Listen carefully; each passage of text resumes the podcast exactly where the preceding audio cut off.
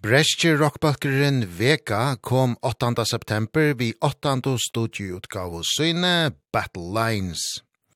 Vega hever sin opprona i 2000 og tar heva omgant og idolt 4 at taunlagali og iblåster tarra er kommen fra klassiskon rockbalkon som Def Leppard, Bon Jovi og Guns N' Roses.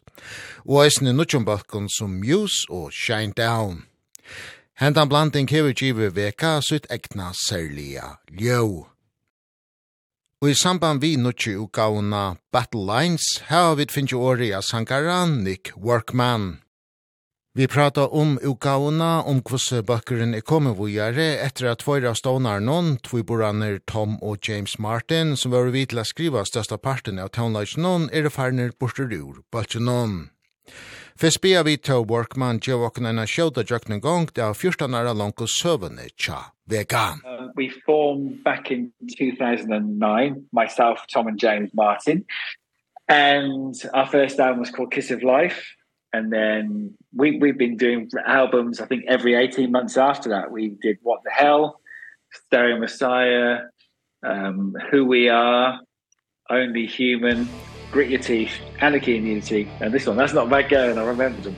uh, yeah, and we, we, the original plan was just that we were just going to be a bit of a project because Tom and James got permission from Frontiers because they were writing for Frontiers. But then our, the, when the first two songs you write, A Kiss of Life and Into the Wild, you kind of think these are too good just to be a throwaway project. So we said we should do this properly. And we did. And so we're a gigging band as well. It's not just... Uh, get together now and then. You know, it was a it was a proper band from pretty much from the off, off you know, from the off get go. Out of the dark into the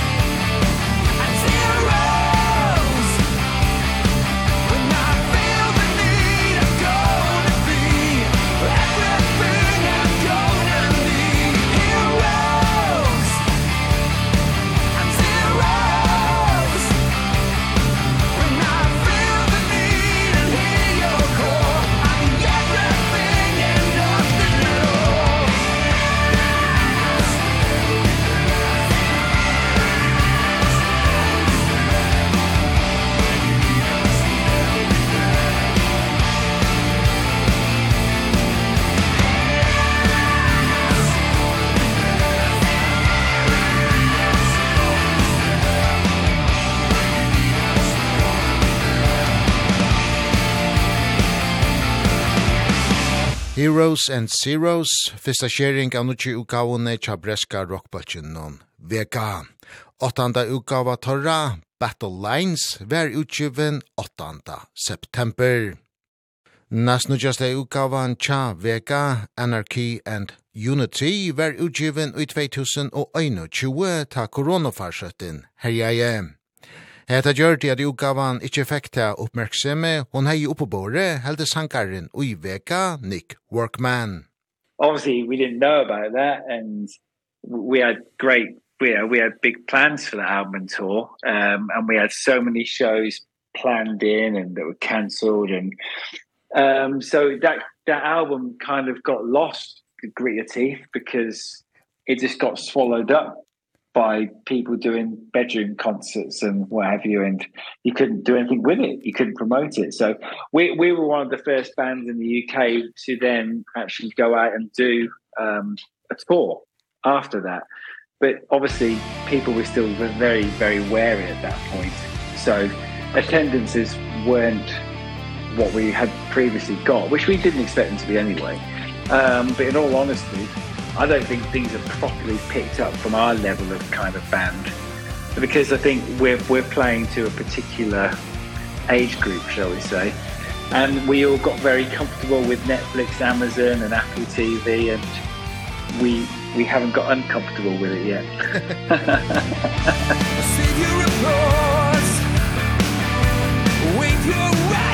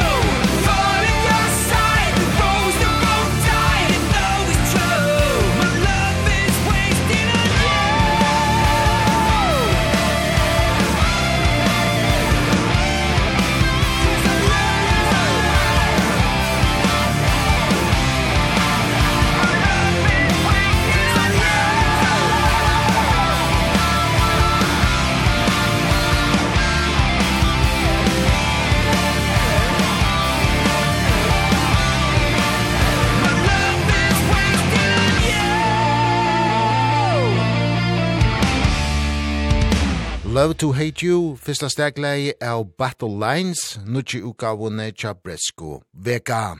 Åttanda utgava torra var tøk, 8. september. Så igjen i nast nutjaste utgavan tja Vega, Anarchy and Unity var utgiven i 2021, er det tveir av opprunalimenon, tviboraner Tom og James Martin, som eisne var vidla skriva størsta parten av tonelagenon, farner borser ur bøtjenon. Nick Workman er sjåvande chatter om hetta, men hetta hever givi erar, møvelaikar. Middelen anna hever rønte trommoslovaren Peter Newtek veri mara vi ui i omframt at han æsni hever stegi fire framløyslene av Battle Lines. And since your last album, Tom and James have, have left the band, how has that affect uh, the, the work on the new album? No, uh, it hasn't affected at all. To be honest with you, I, I spoke to um, Tom just yesterday, actually. We had a good catch up.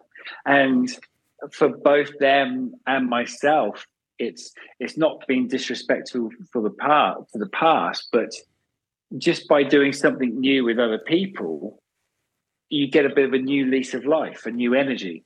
And it's not that you don't like what you did before. It's just it's it's just refreshing to do something somewhere else. So for myself and Pete, we the first two songs we wrote were got to be you and don't let them see you bleed which are cracking songs. And we knew we were okay from that moment. So there was no pressure because we just carried on. We we had to we actually had to stop writing for this album because it was just constant. Where every, every there was no leftovers from this album. It's just every song was like yeah brilliant brilliant doing it doing it going on the album. So yeah the, the, there was um it was just for Tom and James the real world got in the way. And, you know, who's to say that we're not going to do something together again at some point?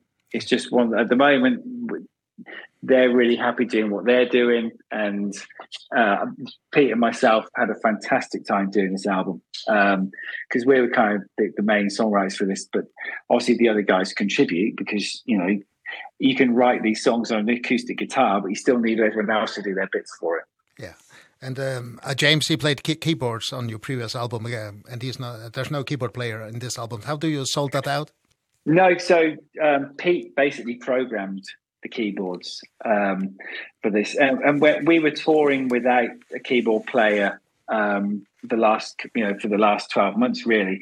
And the old songs, we, we just had the keyboards on a backing track. And in all honesty, there's nothing else on the track it's just keyboards. There's no vocals there's no little bits here and there because everyone's a great singer in the band so we all just do that. Um but but on the new album I'd say only half the album is has got keyboards on and that's just for for flavor really. It's just a lot more rocking album. I think when it comes to the tour again we'll have the keyboards on a track. For a singer it's great because it means that Pete has to play to a click yeah. keep everything in time and then there's no racing ahead and I'm like oh this is amazing I actually get to breathe yeah. Nutcher Maver i veka er Mart Trail, som hever avløst Tom Martin som bassleggara. Og Trail hever sett sine fingermerkje av Battle Lines helder Nick Workman. Yeah, I mean, there's a song called Embrace the Grey, which has got this awesome bass riff at the beginning. Um, to be honest with you, that, that, that original bass riff came from Pete, but then Pete's not a bass player. He just came up with an idea, and then Mark just took it away. And Mart Mart is a brilliant bass player and, and a lovely guy. And it is more the. It was just lucky that he's a brilliant bass player because just coming to the band, the most important thing is personality and and fitting in with everybody. Because none of us are going to be you know buying Ferraris with record sales these days. So our, our currency is enjoyment and fun. And it's just such a great laugh when we get together.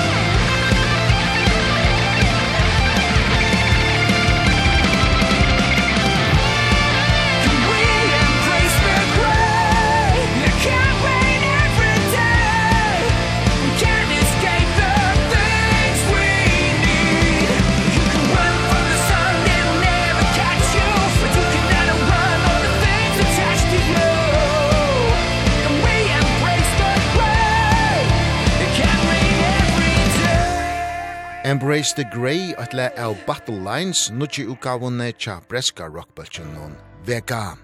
Åttanda ukava torra ver tøk 8. september. Teir og sangaren Nick Workman og tromoslovaren Pete Newdeck som hava skriva toneløyken av nuchi ukavunne.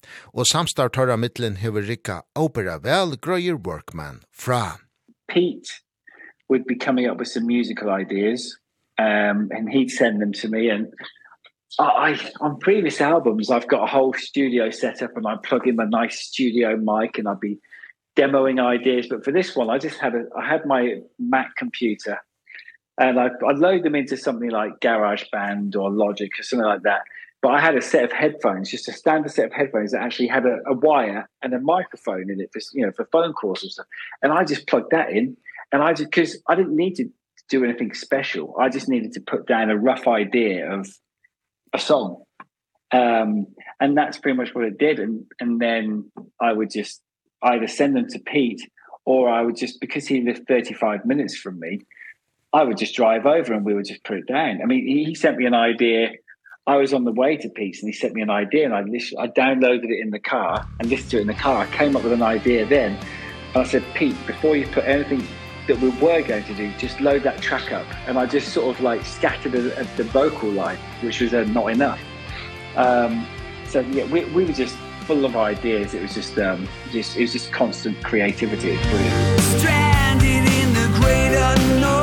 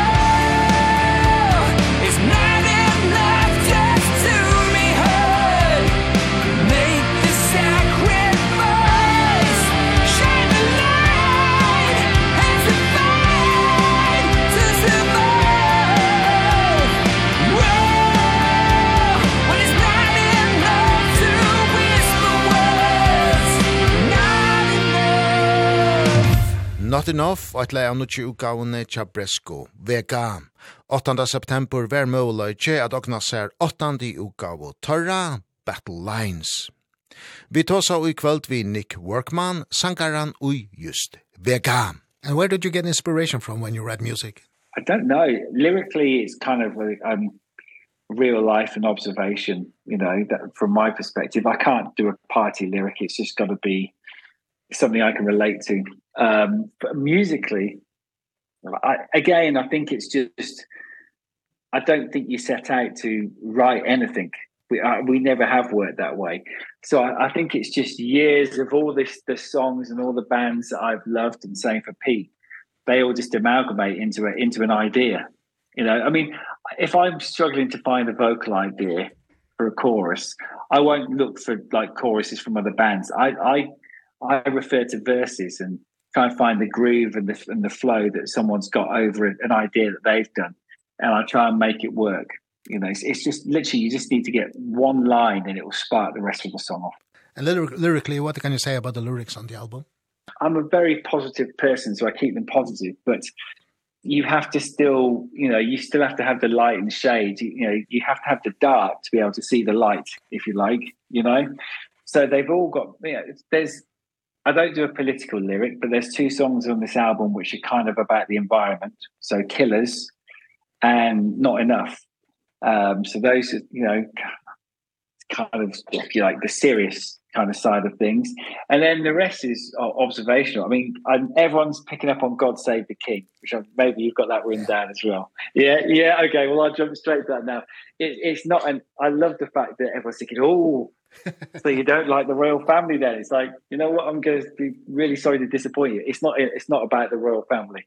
It's a very sarcastic song hence the ooh la las in it and stuff like that. You know it's it's english sense of humor and cuz we all meet people who you think oh get you and oh your majesty you know and someone it's about people who've got delusions of grandeur and they just think they're something they're not. Um, some people might say leaf singer disease, but I would not say that.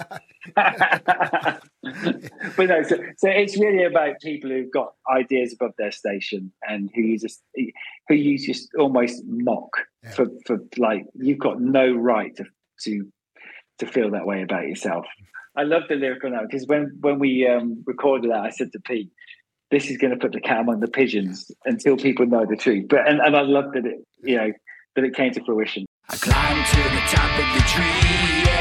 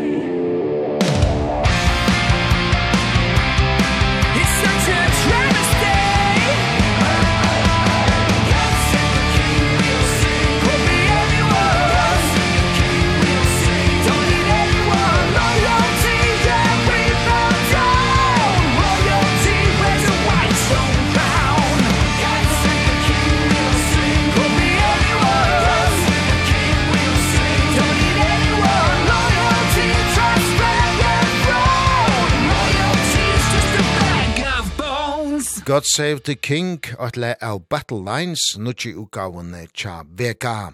Åttanda utgava torra ver tøk 8. september. Det er trommeslåaren Pete Newdeck som hever framløtt Battle Lines. Peter er en rønder tønløkare som et landa hever vi i balkon som Eden Curse, Onslaught og Lionheart. Nick Workman heldur ikkje at det er en trobeleitje at ein av limonon i Balchanon stender fire framløyslene, kanska tvørster i møte. With the last album, Mannequin Unity, for that reason I said to Pete that at that point I've been saying to him that I don't think you should, you can record it, but I don't think you should mix it because it gives one person in the band too much control and it can cause animosity. And he was okay with that when it came to this album, we, we were just so creative together that the way we recorded this, we didn't really do demos. Pete had an idea down. I would go in and, and we would write it, chop it to pieces and get it into the place it needed to be. And then everyone was adding their guitar parts and everyone had an opinion about it. And, you know, Pete and I, we had backwards and backwards and forwards about stuff. I'd say, mate, it, it sounds great, but I can't feel the kick drum and I can't, and he's like, no, no, you're wrong, you're wrong. But then he'd go and speak to his mate like Dennis Ward and he'd come back and send another version. And I, and I wouldn't say it to him, but I'd go, I was right, Pete, wasn't I? I was right. but no, it, it, it really, I think, I think because, don't get me wrong, being Billy had a co-write on this album and a few songs and Marcus, like I said, everyone had their inputs, but Pete and I kind of led the way, but we were so, in sync with each other and that he it wasn't like he would do something without anyone approving it. You know he he was we, we had conversations about the keyboards where cuz Marcus phoned me up saying oh I just think there's too many keyboards. And I said don't worry.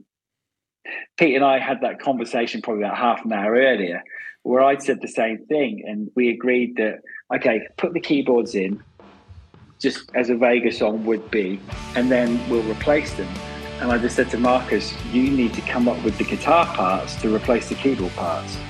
Uh, and that's what he did. So it was a really open house on the, on on the production side. It was it was no stress at all. It was great. I wish we'd done it on I wish I wish we did it on the album before. We'd have saved a load of money. There's no other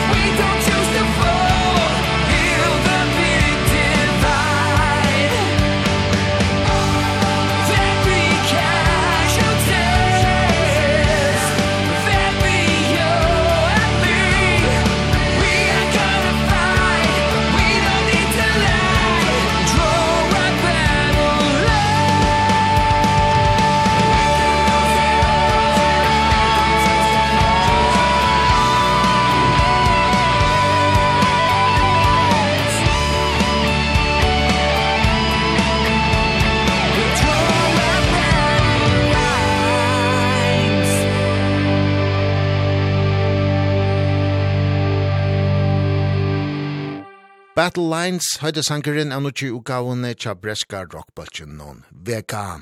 Åttanda utgava torra vær tøk 8. september. Som nærmatler er tonløygarar, så heldur Nick Workman at han nokjaste utgavan er tan besta. Og tja honom er ontsje undantek vi Battle Lines. Every album I always think is our best album and I feel the same about this one. You know, because I wouldn't, I wouldn't submit it to the label until I felt that way it's it's more rocking. I'm not going to say heavier. It's more rocking than previous albums, but it's just as melodic, if not more so. Because Pete has got a real keen ear, keen ear for melodies like myself. So whereas before I would do all the vocals and the lyrics, I still did here, but Pete also had ideas and I was open for him to, you know, I'd say to him, I don't know, Pete, I'm not sure if this one's as good as it could be and he'd come up with an idea I would be like brilliant. You know so I, I think I think this is an amount you know it's seven albums worth of material and influence chucked into one but don't forget Pete's come in and added a new flavor as well.